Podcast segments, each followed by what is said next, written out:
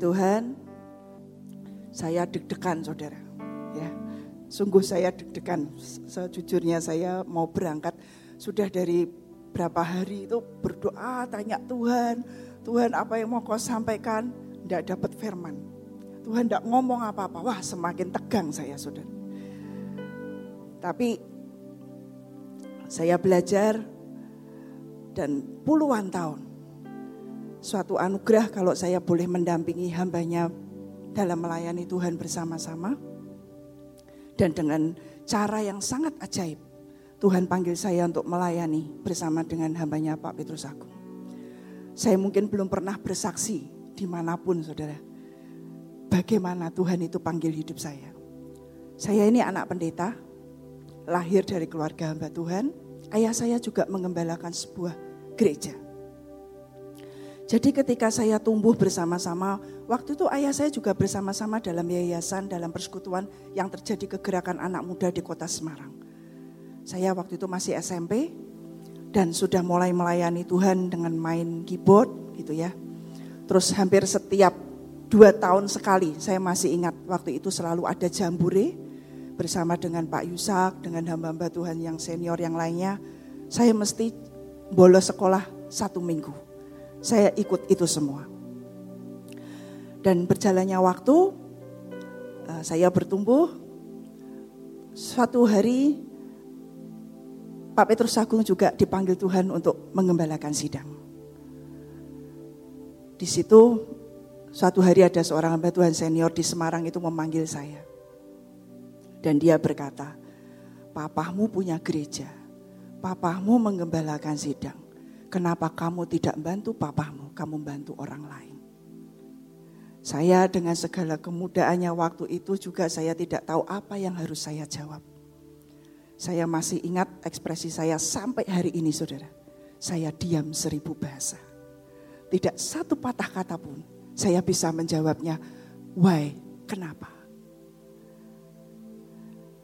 Dan hari ini kira-kira dua hari yang lalu saya sedang drive mobil Ya saya saya antar ayah saya makan malam, tiba-tiba ada mobil nyalip ke depan, nyalip di depan saya dengan tulisan sangat gede. Only God knows why. Hanya Tuhan yang tahu mengapa. Banyak hal yang terjadi dalam kehidupan kita, kita sering kali nggak ngerti, saudara. Ya, tapi ketika kita mau memberikan dan mempersilahkan Tuhan intervensi dalam kehidupan kita, dengan tangan yang tidak terlihat, dia akan menuntun dan menata kehidupan kita. Percayalah, hidup kita itu di tangan Sang Pencipta, bukan di tangan siapa-siapa, saudara. Hidup kita di tangan Sang Pencipta. Itu se, se, se itu yang saya tahu, saudara. Dan dari situ saya diam. Dan saya pulang tetap saya diam. Saya hanya pulang dengan pamitan, terima kasih dan saya pulang. Dan satu hari saya tidak cerita siapa pun. Dan orang tua saya juga tidak tahu kalau saya ini dipanggil. Tapi entah bagaimana dua hari kemudian dari hari itu beliau dengar. Dan saya kaget dan saya bersyukur punya ayah, punya ibu yang mensupport dan mendukung dengan sangat luar biasa. Saya dipanggil dan beliau bertanya, kamu dipanggil ya oleh hamba Tuhan ini. Kok papi tahu? Saya bilang, ya papi tahu. Dan saya paling kaget dan tidak pernah lupa sampai hari ini. Jawaban ayah saya. Kamu layani saja bersama dengan hamba hamba Tuhan Petrus aku. Hari itu belum besar saudara. Gereja baru mulai, lebih besar yang ayah saya sedang gembalakan. Waktu itu ayah saya gembalakan sudah hampir 100-125 gedung e, tempat ibadah sudah ada. Kami waktu itu Pak Agung mulai itu masih sewa. Dimulai saudara ingat kesaksiannya 25 orang. Termasuk pemain musik, termasuk asyir. Jemaatnya berapa saudara? Belum apa-apa. Tapi saya percaya itu Tuhan. Lewat ayah saya. Beliau berkata, layani bersama dengan hamba Petrus Agung. Kamu ikut dia. Kamu ikut dia. Dan saya kaget statement ayah saya, suatu hari akan jadi besar. Padahal tahun itu, tahun 90-an eh, belum apa-apa. Belum apa-apa saudara. Dan tidak ada apa-apa dan tidak ada bakal begini akhirnya itu juga tidak tahu saudara. Tidak tahu. Dan sejak hari itu buat saya itu blessing besar. Ya, blessing sangat besar. Saya tahu dan saya tahu dan saya tahu. Dan waktu itu saya belum full timer. Ya, masih pemain musik saja. Belum full timer, belum sebagai istilahnya mendampingi hambanya sebagai sekretaris, belum saudara. Saya cuma pemain musik di gereja yang sedang dimulai. Memang kalau istilahnya uh, logikanya nih, secara dunianya kalau papamu, ya kamu bantu papamu, mosok bantu orang lain. Memang betul saudara. Tapi kita punya mental kerajaan surga. Kita punya mental yang berbeda. Kita mau tahu, kita mau melakukan apa yang Tuhan itu mau. Itu bedanya. Kita tidak mengikuti yang mungkin lazimnya memang begitu. Tapi sering kali ketidaklasiman Tuhan itu membawa sesuatu yang besar dalam kehidupan kita. Ketika kita mau mengikuti semua yang tidak lazim. Ketika kita mau menerobos semua yang tidak lazim. Ketika kita mau menjalani semua zona yang tidak nyaman buat kita. Di situ ada sesuatu yang besar yang Tuhan itu sediakan. Kalau saya noleh ke belakang sekian puluh tahun yang lalu, saya juga tidak ngerti saudara. Hari ini saya bakal berdiri di sini. Hari ini apa pun yang semua Tuhan anugerahkan dalam kehidupan kami. Tidak pernah. Terpikir pun tidak pernah saudara. Terbersit dalam pikiran pun tidak pernah. Satu saja. Detik saya menyerahkan hidup saya Ayah saya meletakkan fondasi demi fondasi kebenaran firman dalam kehidupan saya secara pribadi. Iman, dasar iman diletakkan. Di situ saya tahu saya mau serahkan hidup saya di tangan Sang Pencipta yang menciptakan hidup saya. Dan di situ saya dedikasikan hidup saya sepenuhnya kepada Tuhan. Kita buka di kisah Rasul Fatsal yang ke-13 ayat yang ke-26. Kisah Rasul pasal yang ke-13 ayat yang ke-36. Ayat firman Tuhan yang sudah sering kita baca. Tapi hari ini kita mau belajar sesuatu yang berbeda. Kisah Rasul 13 ayat yang ke-36 firman berkata, sebab Daud melakukan kehendak Allah pada zamannya. Lalu ia mangkat dan dibaringkan di samping nenek moyangnya. Dan ia memang diserahkan kepada kebinasaan. Kita lihat 36a. Daud melakukan kehendak Allah pada zamannya. Setiap kita Tuhan panggil. Setiap kita ini ada Tuhan panggil, Tuhan ciptakan dengan purpose, dengan tujuan. Dia mau setiap kita didapati melakukan apa yang menjadi kehendak Tuhan di dalam zaman kita. Bukan di zaman yang lalu, bukan di zaman yang akan datang, di zaman sekarang. Di saat kita ini hidup. Tuhan panggil, Tuhan mau setiap kita ini melakukan kehendak Allah pada zamannya. Kata di sini kata melakukan itu apa? Saya pelajari saudara. Ya, saya buka, saya pelajari. Kata melakukan itu dari akar kata hypereteo, bahasa Yunannya. Hypereteo saudara. Artinya serve, melayani ya, melayani. Daud itu sudah melayani Tuhan pada generasinya. Daud sudah melayani Tuhannya pada generasinya. Saya percaya hambanya Pak Yusa, hambanya Pak Agung, beliau-beliau sudah menyelesaikan pada generasinya. Dan sudah melakukan yang menjadi kehendak Tuhan pada zamannya. Dan di terjemahan yang lain saudara dikatakan di ayat yang ke-36 ini, setelah Daud serve by the counsel of God. Jadi melayani yang bagaimana? Melayani by the counsel of God. Bukan melayani sekarapnya sendiri. Ya, Daud ini melayani Tuhannya karena nasihat-nasihat yang dia dengarkan dari Tuhannya.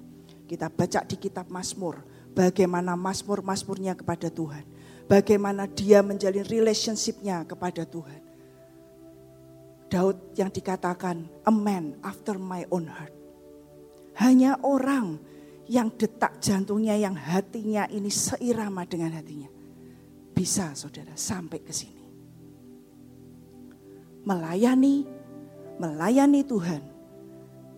Karena nasihat-nasihat yang dari Tuhan. Jadi bukan melayani menurut seperti yang kita ini mau dan yang seperti kita ini tahu. Waktu itu saya masih sebagai seorang guru, ketika saya selesaikan studi saya SMA, saya tidak melanjutkan uh, uh, kuliahnya, terus saya tuh mengajar. Saya diterima di sekolah musik Yamaha dan saya ini mengajar. Saya bersyukur dalam anugerahnya hidup saya ini dari dari istilahnya dari kecil ini terima banyak kemurahan demi kemurahan saudara umur saya waktu itu masih 17 tahun, harusnya itu kalau mau menjadi guru ada standar ya, minimal standar guru kelulusan grade itu ada. Saya belum sampai situ Saudara. Belum sampai, tapi saya dipanggil saya dites. Coba kamu main. Dengan segala kemudaan dan boleh dibilang mungkin saya saat itu guru termuda yang Yamaha itu terima. Tidak pernah mereka terima di bawah 20 tahun. Dan setelah terima saya mungkin banyak komplain, keluar peraturan harus di atas 20 tahun. Tapi saya umur 17-18 tahun saya sudah mulai mengajar. Dan ketika dites, saya diterima saudara. Oke, kamu boleh ngajar sambil kamu belajar. Ya, kamu ngajar, kamu belajar, ambil grade guru. Dia bilang gitu. Oke, saya sambil ngajar, saya belajar saudara. Ya, jadi saya tidak kuliah, tapi terus saya setiap hari ke sekolah musik karena saya tidak punya organ di rumah. Saya tidak punya alat musik, uh, saya punyanya piano. Nah, sedang grade yang saya ajar itu elektron. Jadi saya tiap hari ke sekolah musik untuk saya belajar.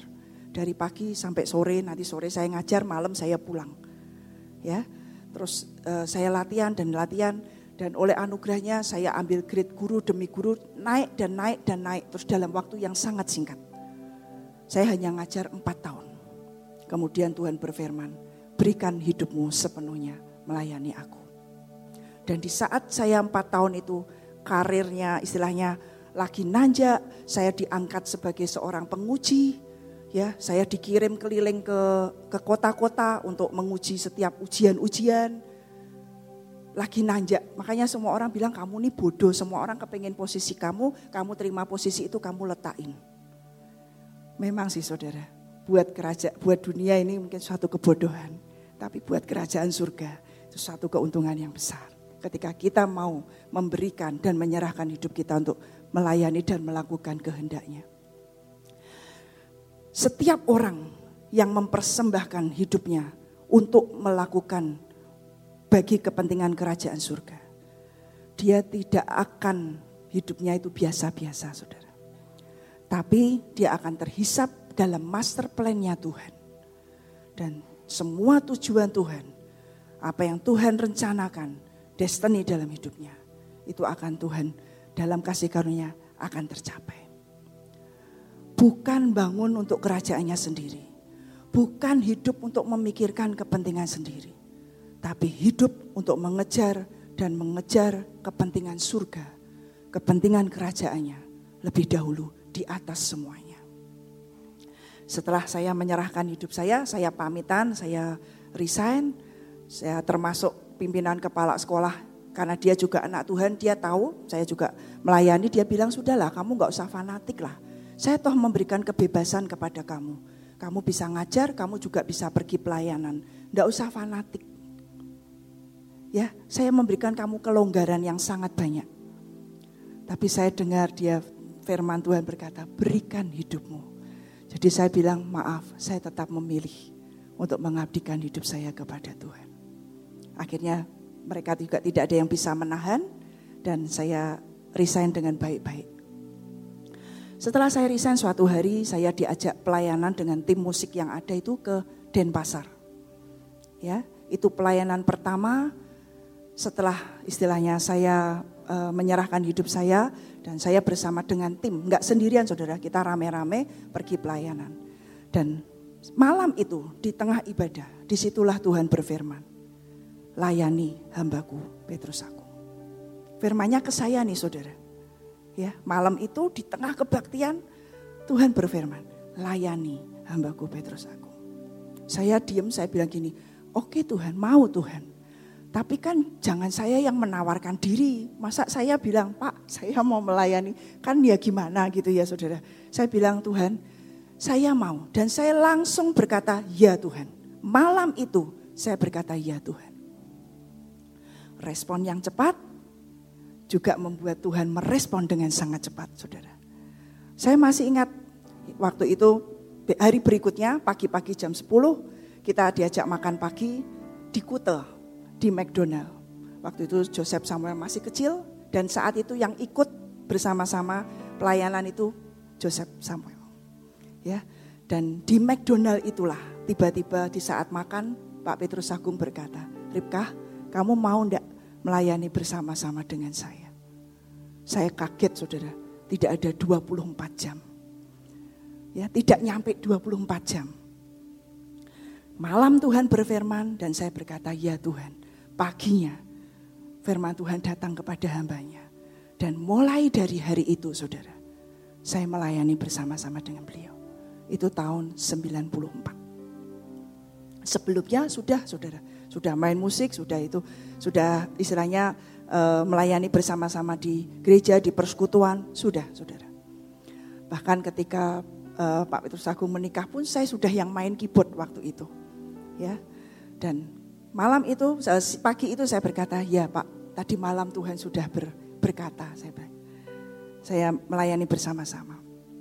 Langsung hari itu juga silakan yang lain semua pulang, saya dibawa pergi pelayanan lanjut saudara. Waktu itu ke NTB, ke Lombok. Ya, ke Lombok dan itulah perjalanan kehidupan saya dalam melayani Tuhan dimulai.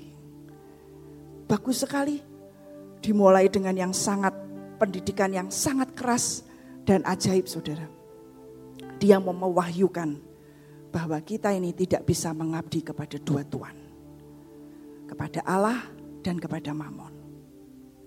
Siang itu saya uh, diajak, ya Pak kamu ikut saya ke NTB. Nah saya ini dari Bali, dari uh, Semarang ke Denpasar kan naik mobil saudara. ya Dan benar-benar di dompet saya saat itu tidak ada uang, cuman ada uang 500 perak. Saya pergi saat itu karena tim saya santai aja saudara. Udah kan rame-rame gitu. Terus tapi saya punya kredit card. Saya ada beberapa kredit card. Ikut saya ke Lombok. Ya Pak, siap. Dan saya tidak pernah bertanya, tiketnya bagaimana Pak? Saya tidak pernah bertanya, ini nanti bayarnya bagaimana? Tidak pernah, saudara. Dan sekarang saya tahu, itu pelajaran yang sangat berharga. Itu pendidikan yang sangat dalam, yang langsung ke akarnya, saudara. Tuhan cungkil dalam kehidupan saya. Saya mungkin bertahun-tahun sebagai guru, saya terima gaji tetap, saya hidup dalam saat itu untuk standar istilahnya sebagai jasa guru musik itu sangat tinggi, saudara. Makanya orang bilang bodoh ditinggalkan semuanya. Dan dengan tidak jelas saat itu saya mau ngapain. Dan waktu uh, saya berangkat dulu ya, ya Pak, saya antri tiket saudara. Benar-benar saya ngantri di tiket dan Tuhan sudah berkata, tidak boleh pakai kredit cardmu. Lah kalau enggak boleh pakai kredit card ini bayarnya bagaimana gitu ya. Tapi saya diam saudara. Nah, Pak Agung Putina dan Samuel waktu itu sudah punya tiket. Jadi sudah saya boarding dulu ya, kamu next flight nanti ketemu saya di sana. Itu pelayanan pertama saudara. Jadi saya antri makin dekat, makin dekat, hati semakin deg-degan. Sudah tidak ada siapa pun yang ngantar kami juga sudah ditinggal. Ya, no turning back saudara. Sudah harus maju terus. Ya, tidak ada kata mundur, tidak ada kata noleh, tidak ada maju terus dan saya tidak tahu bagaimana nanti caranya Tuhan itu menolong. Kira-kira kurang tiga orang di depan saya sebelum akhirnya nanti giliran saya beli tiket. Waktu itu kan bisa beli tiket langsung ya, zaman-zaman itu. Saya dengar suara nama saya dipanggil apa istilahnya orang bilang tuh lamat-lamat. Jadi kayak sayup-sayup ya, sayup-sayup. Ripka gitu. Nama saya dipanggil. Saya tolak siapa yang panggil saya gitu ya. Terus saya lihat dari jauh gitu. Saya lihat Pak Petrus Agung itu istilahnya melambaikan tangannya memanggil saya. Saya waktu dipanggil itu ya enggak punya pikiran nih, oh saya dipanggil nanti bakal dikasih duit atau apa. Enggak tuh, tak pikir ya ada apa gitu ya. Saya lari dengan sangat cepat. Tiba-tiba begitu sampai di sana, saya langsung dikasih uang. Saya masih ingat 300 ribu. Ini buat kamu beli tiket. Ya Pak, terima kasih Pak, siap. Saya. Antri lagi saudara. Ya, antri lagi lah. Karena saya sudah keluar, saya harus antri lagi. Antri lagi, dan 300 ribu itu tiket satu kali jalan. Pas, saudara. Pas, tidak. Jadi pulangnya nanti bagaimana? Nanti urusan nanti. Ya, urusan nanti. Ini berangkat dulu. Di situ saya terbang sendirian. Saya lihat jendela di pesawat terbang. Saya menatap ke langit. Saya berkata, Tuhan, hari ini Engkau itu Allah yang nyata, lebih nyata daripada dompet di uangku uang di dalam dompetku sekalipun. Engkau Tuhan lebih nyata. Engkau Tuhan lebih real dari apa pun. Saya bersyukur sekali pendidikan yang sangat keras dan bukan pelajaran yang mudah, Saudara. Ya. Tapi itu juga tidak bisa instan, Saudara. Dimulai dari terus adik-adik semua yang di sini sejak kalian muda bangun hidupmu di atas firman di atas firman yang teguh. Baca firman. Dengerin semua kesaksian dari hamba Tuhan. Dengerin setiap pelajaran.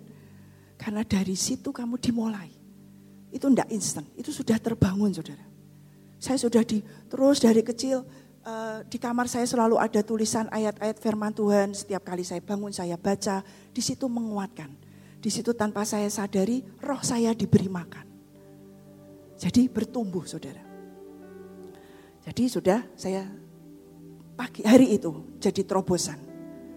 Saya melayani Tuhan yang hidup, yang lebih nyata dari apa pun. Saya sampai di Lombok, saya dijemput dan saya melayani. Sampai nanti pulang, tiket disediakan. Sampai saya pulang dan sampai hari ini pemeliharaan Tuhan sangat sempurna.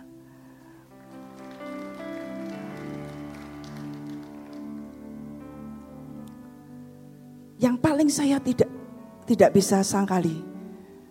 Ketika tahun 2007, waktu berjalan dengan sangat cepat.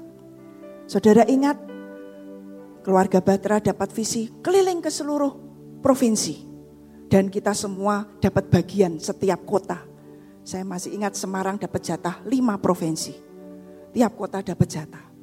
Dari salah satu lima provinsi yang Semarang pegang, salah satunya NTB. Lombok, saudara. Dan waktu itu dipilih lima orang. Perempuan yang dipilih cuma saya, lainnya empat laki semua. Terus diundi, saudara, diundi.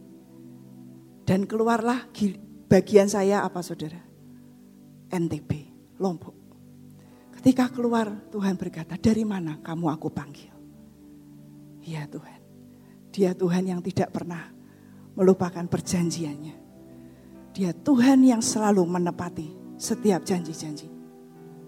Hati saya, saya cuma bilang Tuhan, biar aku nih melayani engkau. Melakukan kehendakmu pada zamanku. Di saat aku ini hidup.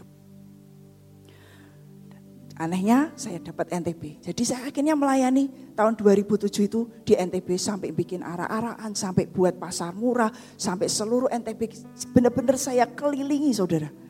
Ya, benar-benar naik mobil dari ujung sampai ujung seluruh NTB. Saya istilahnya jalani bersama dengan Tuhan. Dia Tuhan yang tidak pernah salah. Dia Tuhan yang tidak pernah gagal. Dia Tuhan yang sangat sempurna rencananya atas kehidupan setiap kita. Kalau di The Message dikatakan di sini bahwa Daud sudah komplit melengkapi semua pelayanannya melayani Tuhan. Daud sudah komplit the work of God. Mengerjakan semua pekerjaan Tuhan in his own generation. Dalam generasinya. Jadi ketika kita mau memberikan hidup kita untuk serve, melayani Tuhan. Melayani Tuhan dengan caranya Tuhan. Melayani Tuhan dengan relationship yang kita bangun bersama dengan Tuhan. Dan mendengarkan setiap nasihat-nasihatnya lewat firmannya. Lewat hamba-hambanya. Lewat setiap guru-guru yang Tuhan kirimkan dalam kehidupan kita. Kita melayani Tuhan. Kita akan menggenapkan dalam zaman kita semua yang Tuhan mau untuk kita kerjakan. Tidak bisa komplit saudara kalau kita jalan dan melayani menurut pemikiran kita sendiri. Tapi ketika kita mau mempersilahkan, mari Tuhan, didik hatiku, ubah hidupku, kerjakan seperti yang engkau mau. Saya heran lagu-lagunya tadi itu, itu lagu yang sudah muncul di hati ketika tadi di kamar saya itu penyembahan. Kalau uh, saya kan tidak ngomong apa-apa dengan WL. Nanti kalau saya naik itu Tuhan cuma bilang nanti kamu nyanyi ya. Ku yakin, ku, apa, ku yakin kau hadir di sini. Saya kaget sekali tadi tiba-tiba nyanyi itu. Ya bersama dengan Tuhan. Itu sangat ajaib saudara. Jalan dengan rohnya. Dia yang menuntun kita kepada seluruh kebenaran. Dan kita coba buka sekarang di kisah Rasul Fatsal yang ke-10 ayat yang ke-35.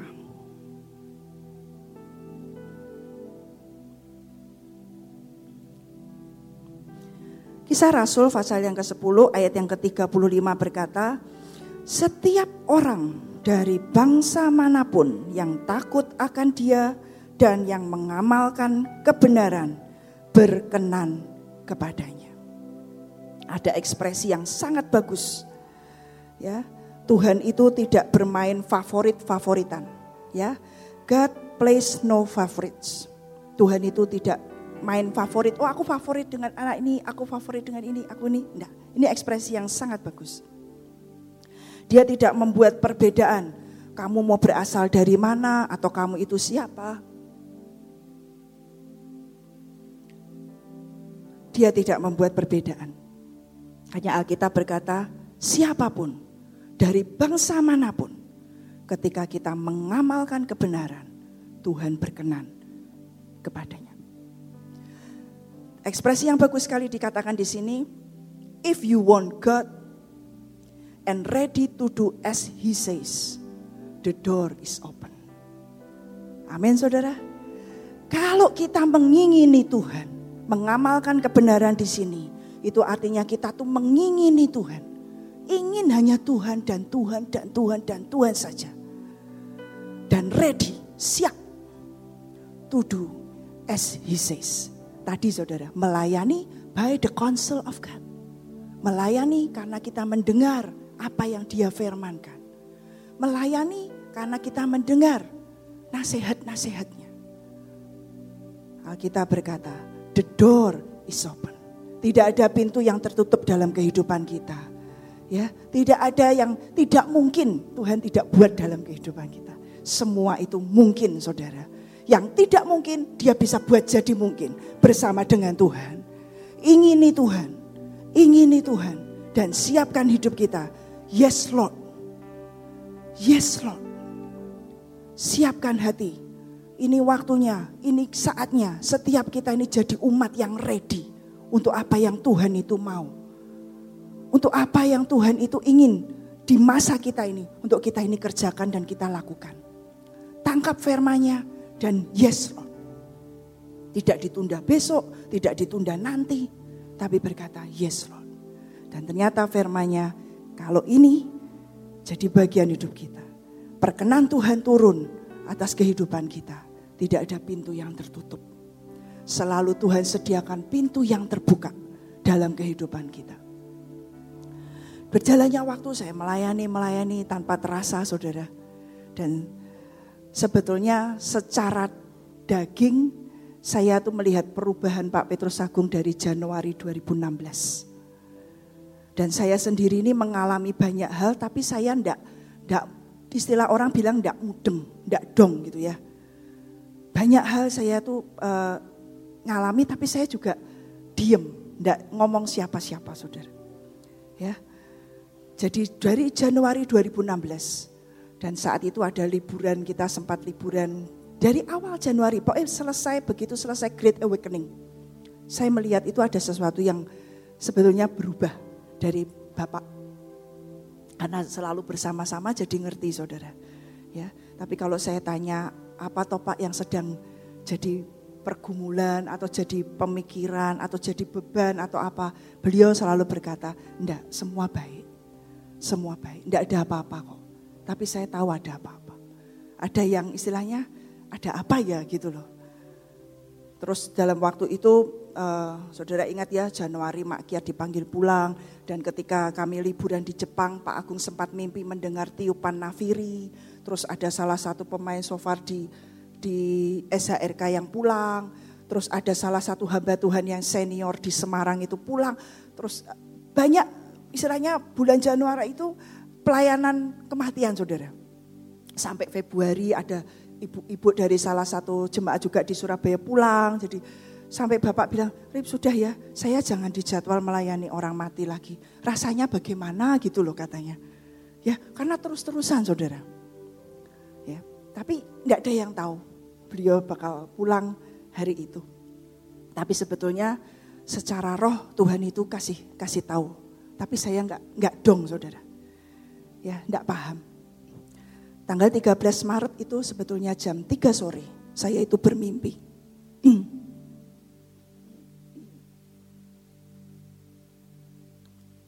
saya diberi Tuhan mimpi, saya itu jarang tidur siang.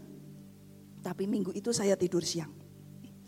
Sampai saya dibangunkan suami saya karena sudah jam 3 biasanya saya sudah siap-siap, saya sudah berangkat ke gereja. Dan di mimpi itu saya sedang berjalan berdua dengan hambanya. Tiba-tiba saya lihat dari atas itu ada tangan turun. Nah ketika tangan turun itu menyambar dengan sangat cepat. Saya lagi jalan berdua terus tangan dari atas turun disambar sangat cepat. Nyaut cepat gitu loh saudara. Nah ketika nyaut cepat saya lagi tolah-toleh saya dibangunkan. Bangun, bangun, kamu tidak ke gereja gitu. Di situlah saya terbangun saudara. Ketika terbangun saya seperti lupa saya itu bermimpi. Cuma satu aja, saya duduk istilahnya orang bilang tenger-tenger di tempat tidur itu. Sampai saya dipanggil kedua kali. Saya sudah tidak tertidur, sudah saya duduk. Saya dipanggil, kamu tidak berangkat ke gereja, tidak siap-siap berangkat ke gereja. Oh iya, baru saya berdiri. Saya cuma ngomong, hari ini kenapa ya saya seperti orang yang kesirep. Tidur sangat dalam. Tapi tetap tidak ngerti saudara. Hari itu tetap tidak mengerti. Setelah semua saya sampai ke gereja, sore itu kebaktian, saya di green room, saya di mimbar, di dekat uh, tim musik itu, banyak orang, Cik kamu kenapa? Kamu sakit? Atau banyak orang nanya saya. Banyak orang mungkin melihat ada sesuatu gitu. Oh enggak, enggak apa-apa, saya enggak apa-apa. Tapi saya juga cuma jawab, tapi aku juga enggak tahu aku hari ini kok seperti orang kesirep. Tidur dengan sangat dalam. Dan malam itu setelah ibadah, selesai makan, selesai semuanya, kami pulang. Tidak ada tanda-tanda apa pun. Tidak ada tanda-tanda apa pun. Dan perjalanan malam itu, begitu naik mobil, semua kami terdiam. Tidak ada satu kalimat pun, pembicaraan apa pun. Di tengah jalan itulah, beliau mulai batuk, beliau mulai, uh, saya melihat ada yang tidak pas gitu ya. Terus uh, saya coba chat uh, Kesia, saya tidak ada yang respon semua. Nah, saya sudah tidak konsentrasi itu, kami semua di mobil sudah berbahasa roh. Dan di situ Tuhan bilang, beri perjamuan. Dan di tas saya selalu ada perjamuan, jadi saya langsung keluarkan, saya berikan kepada hambanya. Pak, perjamuan. Dan itu diterima, dan di situlah kalimat terakhir yang keluar. Tuhan Yesus tolong. Dan roh maut pergi. Dua kalimat itu yang keluar. Tuhan Yesus tolong, roh maut pergi. Setelah diminum tidak ngomong apa-apa lagi. Ya, sampai sampai di rumah beliau tetap masuk rumah jalan sendiri, tidak ada digandeng atau apa pun, tidak saudara. Tetap beliau menyelesaikan dengan sangat kuat. Beliau hanya duduk di kamarnya di pinggir tempat tidur. Dan dengan terduduk itulah beliau menutup matanya untuk selama-lamanya. Dan di kami ada di situ. Buat saya itu anugerah. buat saya itu kehormatan. Benar-benar saya melayani hambanya dan tidak pernah meninggalkan. Karena di tengah-tengah perjalanan saya melayani banyak firman keluar. Eh, hamba-hamba Tuhan datang, kamu jangan pernah tinggalkan hambaku ini. Beberapa hamba Tuhan saya sampai gini Tuhan, Tuhan, apa engkau pikir ada di hatiku aku ini mau meninggalkan, saya itu gitu. Zaman itu saudara, saya sampai heran beberapa hamba Tuhan memberikan firman dalam hidup saya, jangan pernah tinggalkan hambaku. Dan ketika kejadian semuanya terjadi, tidak pernah terbersit satu kali pun. Saya akan pergi atau meninggalkan atau pindah atau apa pun, tidak pernah. Saya meletakkan hidup saya untuk apa yang Tuhan mau, layani hambaku. Dan itu tidak pernah kembali sia-sia saudara. Dan banyak warisan yang sangat kaya yang luar biasa. Ya, yang tidak diucapkan di mimbar, di saat kami makan, di saat kami di mobil, itu untaian mutiara demi mutiara, bata demi bata tertata dalam kehidupan kami sangat luar biasa. Tidak bisa terbeli oleh apa pun. Dan itu itulah yang jadi bagian warisan kami sampai hari ini. Hambanya sudah pulang, dia sudah selesaikan. Sekarang waktunya kamu selesaikan bagianmu. Beliau orang pertama yang tahu calling dalam kehidupan saya saudara.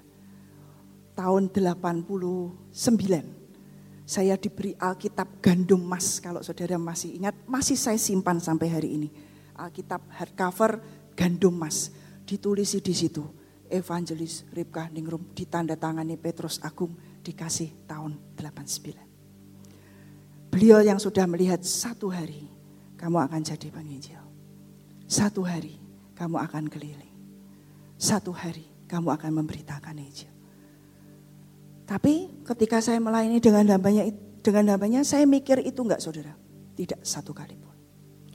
Saya belajar meletakkan semua apa pun visi, mimpi, pribadi di bawah kaki Tuhan. Tidak pernah. Saya terus berkata Tuhan, kerajaanmu yang utama. Kerajaanmu dan kepentingan kerajaan surga. Itu yang pertama dan yang utama. Jadi saya terus sampai orang-orang uh, ada yang uh, pada masa itu, Pak semua pastoralmu saya undang khotbah di tempat saya sudah melayani. Paling susah kalau ngundang Ibu Ripka. Dan saya kaget dengan jawaban beliau, pada zaman itu belum tahu apa yang akan terjadi tahun 2016. Oh kalau yang satu ini nanti ada waktunya. Jawaban beliau seperti itu saudara. Saya juga kaget orang kenapa tanya begitu di depan saya. Saya kan ya sungkan saudara ya. Kenapa tanyanya di depan saya gitu. Tapi saya juga menanti-nanti. Apa ya jawaban Bapak? Apa ya akan dijawab apa ya? Saya kaget sekali. Oh kalau yang satu ini nanti ada waktunya. Nanti ada waktunya. Dan semua di dalam Tuhan itu ada waktunya, ada masanya. Dan ketika pintu itu terbuka, kita tinggal masuk dan melewati bersama dengan Tuhan. Beliau pulang sudah hampir dua tahun saudara. Tidak mudah, kira-kira hampir melewati tahun 2016 itu rasanya panjang sekali. Lama sekali rasanya dari Maret sampai Desember itu luamanya setengah mati saudara. Sekarang aja cepet nih, tiba-tiba 2018 sudah Juni, Juli ini mau Juli. Cepat sekali. Tapi pada masa itu ketika beliau pulang dengan semua syok, dengan semua goncangan yang ada, tidak mudah. Tapi satu pesan yang beliau itu sampaikan, dua bulan setelah beliau pulang, beliau datang dalam mimpi dalam hidup saya. Jarang saudara, ya sepanjang beliau pulang ini mungkin saya baru diimpeni dua kali mungkin saudara tapi dua bulan setelah beliau pulang, beliau mimpi di saat saya sedang misi di Flores. Saya tidur sendiri, pagi itu setelah doa, setelah baca firman, saya tertidur lagi karena flat saya agak siang. Jadi sudah tidak ngapa-ngapain, yang lainnya pada pergi pantai, pada ke mana, saya tidak, saya di kamar sendiri. Dan ketika saya tidur lagi yang kedua itu, saya dimimpiin. Dan Pak Agung waktu itu datang dan cuman berkata, saya sudah sampai kepada kesudahannya. Kamu-kamu belum. Tapi dari mimpi itu saudara, kalimat saya sudah sampai kepada kesudahannya. Kamu-kamu semua belum. Artinya ada tanggung jawab, ada bagian yang harus kita selesaikan untuk kita sampai kepada kesudahan kita. Bukan terus duduk tenang, diam, santai-santai. Bukan saudara. Ini tidak waktunya santai. Ini waktunya kita giat, ready dengan sangat siap melakukan apa yang Tuhan itu perintahkan. Ini waktunya kita terus harus mengingini Tuhan dan mengingini Tuhan lebih dari yang sebelumnya. Lebih dari yang sudah pernah kita ini ketahui. Lebih dari semua yang sudah pernah kita ini alami. Ingini Tuhan saudara. Jangan pernah puas dalam kita mengingini Tuhan. Dalam kita ingin kejar hatinya, jangan pernah ada rasa puas, saudara. Terus kita harus kejar, kita harus kejar. Terlalu banyak kekayaan yang belum kita ketahui. Dia Tuhan yang sangat luar biasa, saudara. Kita mungkin baru sekecil, sangat sedikit yang baru kita ini ketahui. Tapi mari kita jadi umat yang ready to do his will. Ready to do what he says. Apa pun yang dia firmankan dalam kehidupan kita. Just do it. Just do it saudara. Dan itu pintu di depan kita akan terbuka dengan sangat lebar. Tidak ada pintu yang tertutup. Kalau kita menginginkan Tuhan dan kita terus mengingini hatinya, tidak ada pintu yang tertutup dalam kehidupan kita. Dalam pengabdian kita bersama dengan Tuhan, tidak ada yang sia-sia. Dan tidak pernah sia-sia pengabdian hidup kita kepada Tuhan, Sang Pencipta, tidak pernah sia-sia. Obrolan terakhir tiga bulan, saya masih ingat juga selalu soal pengabdian, saudara. Ya, beberapa teman tahu saya naik mobil berganti-ganti, kadang-kadang dengan siapa saja yang bisa e, nganterin gitu ya. Jadi beberapa teman dengar, obrolan kami itu tentang pengabdian. Tidak ada yang lebih mulia, tidak ada yang lebih indah kecuali mengabdikan hidup kita melayani Tuhan, Sang Pencipta. Saya sampai ditanya gini, Ripka, kamu pernah mikir dalam pengabdianmu melayani Tuhan, hari ini kamu dianugerahi rumah yang besar. Saya berkata, mimpi saja kakak. Tadi saya tanya sama Thomas, karena saya masih ingat Bu Nani ini yang bernubuat dalam keluarga kami. Di UK 2012 Bu, Bu Nani berfirman, Tuhan mau kasih kalian rumah baru. 2012 di UK, di London, mau pulang itu. Saat mau pulang, habis kebaktian terakhir saya ngantri, kami sekeluarga didoain. Bahkan firmannya saudara tahu rumahnya nanti ada kolam renangnya. Ya kami cuman amin. Bagaimana jadinya? Tidak tahu. Dan hari itu saya tadi tanya, Bu Nani itu berfirman tahun berapa ya? Di London tuh kita pergi tahun berapa? 2012. Saya sampai baru sadar, hah berarti cepet ya. Dalam tiga tahun kita pindah. Saya enggak ngeh saudara. Dari 2012 nothing, tanah kagak ada, apa pun kagak ada, saudara. Satu waktu bu, kalau ke Semarang ayo mampir, didoakan, dilihat rumah keajaibannya bu. Tapi 2015 bulan Oktober, saya masih ingat dan itu Joseph yang dipakai Tuhan. Ayo Ci, cepet pindah, yobel besar. Itu belum apa-apa saudara. Ya sudah uh, sudah sudah secara struktural sudah selesai, tinggal finishing. Ayo cepet, wes rapat Great Awakening di sini saja sekalian syukuran rumah baru. Itu masih kosong saudara, disulap dalam waktu satu minggu. Tidak ada pintu yang tertutup saudara. Kalau kita menginginkan Tuhan dan terus mau melakukan dengan siap apa yang Tuhan itu perintahkan Tentunya ada step by step saudara. Panjang kalau saya kesaksian mungkin berapa lama saudara. Panjang sekali. Tapi hari itu Bapak ketika bertanya, saya sampai juga tidak sadar, kamu sadar tidak kamu tuh punya rumah tiga? Enggak pak, Kok bisa sebenarnya? Ini rumahmu ini, rumahmu ini, kamu dapat rumah ini tidak menjual rumah yang pertama, kamu dapat rumah ketiga tidak menjual rumah kedua. Semua itu Bapak yang menyadarkan saudara. Karena saya ini orangnya mungkin istilahnya ya tidak ada waktu untuk berpikir gitu ya saudara. Sudah sibuk, sudah mikirin ke depan, tidak pernah mikir diri sendiri. Jadi tidak pernah tidak pernah mikir merenungkan begini itu tidak pernah saudara. Makanya tadi saya tanya sama suami saya, tahun berapa Bu Nani berfirman? Saya kaget sekali, baru sadar saya, Hah, berarti tiga tahun. Segede begitu tiga tahun dari nothing. Saya cuma terkagum, dia Tuhan yang termanis.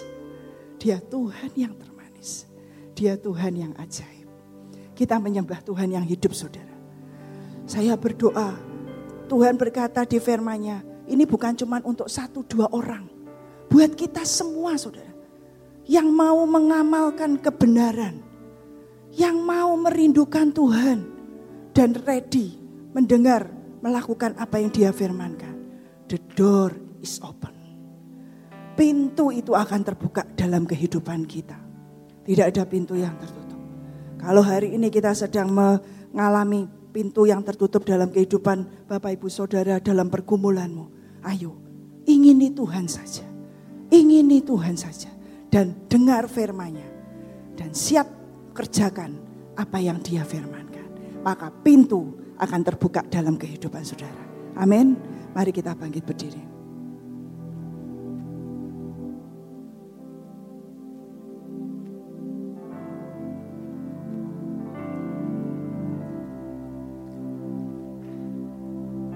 Terima kasih Tuhan. Terima kasih buat firman-Mu Tuhan. Terima kasih Tuhan. Engkau ajari kami lebih lagi mengenal Engkau. Engkau ajari kaki kami Tuhan untuk mengejar yang ilahi, mendahulukan kepentingan kerajaan surga di atas semua kepentingan kami sendiri Tuhan. Dan biar Tuhan setiap hati kami punya kerinduan hanya ingin Engkau dan Engkau dan Engkau lebih lagi Tuhan. Dan terus mengejar perkenananmu di atas semuanya Tuhan. Beri Tuhan, beri kehausan, kelaparan akan Engkau. Kehausan, kelaparan untuk mengenal Engkau lebih lagi Tuhan. Beri Tuhan dalam kehidupan tiap kami Tuhan. Jangan ada yang puas dengan hari ini. Jangan ada yang puas dengan kekristenan kita hari ini. Masih banyak yang ilahi yang Tuhan sediakan. Masih banyak yang besar yang Tuhan itu sediakan buat setiap kita. Biar malam ini Tuhan, ini jadi pujian, ini jadi penyembahan kami.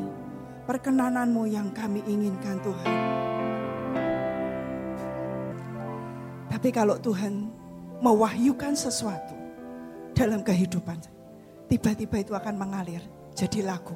Ekspresinya itu jadinya lagu, saudara. Lagu ini lahir di Surabaya. Saya masih ingat hari itu ada tawaran kami sekeluarga untuk ke Amerika. Untuk mengikuti sebuah konferensi. Terus ada sebuah seorang jemaat, kamu saya bayari ngurus visa, kamu ngurus visa. Ya, ada berkat yang ngurus saudara. Ya, ketika ngurus, ternyata kami ditolak. Ketika ditolak, kami pulang. Waktu itu saya menginap di rumah kakak saya. Saya berdoa.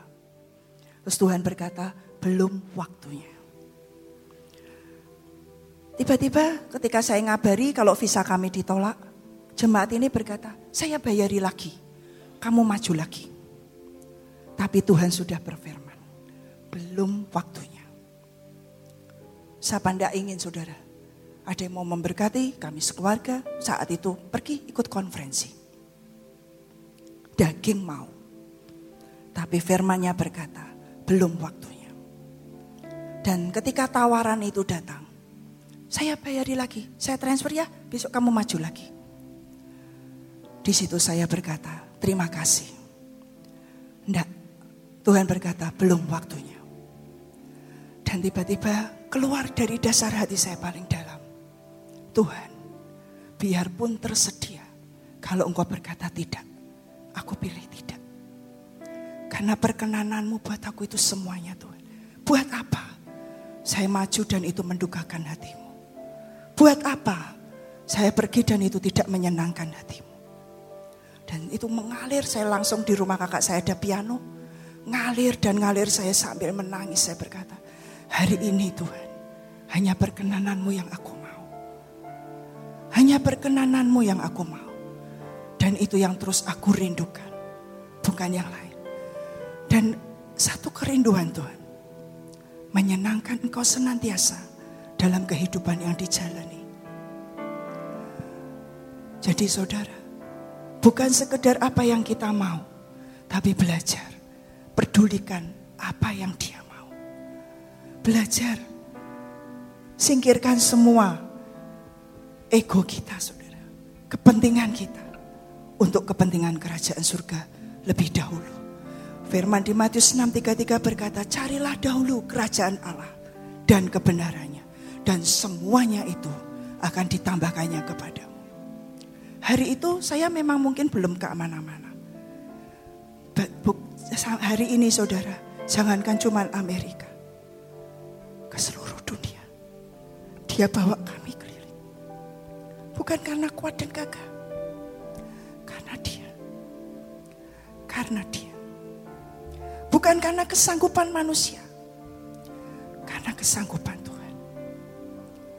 Karena dia yang membawa akhirnya kami semua bisa pergi ke bangsa-bangsa dengan tidak berhutang, saudara. Dengan tidak. Hanya kasih karunia-Nya saja. Ketika kita mengejar perkenanannya. Dan tongkat perkenanan itu selalu terulur dalam hidup kita. Alkitab berkata, the door is open. Pintu akan selalu terbuka pintu kesempatan akan terbuka, pintu mujizat akan terbuka, pintu pemulihan akan terbuka, pintu terobosan akan terbuka. Semua pintu kemustahilan akan dia buka, saudara. Percayai, dia Tuhan pencipta kita yang tidak pernah gagal atas kehidupan setiap kita semua. Dia Tuhan yang tidak pernah gagal. Rencananya ya dan amin. Terima kasih Tuhan. Terima kasih Tuhan. Ini penyembahan kami kepadamu ya Tuhan.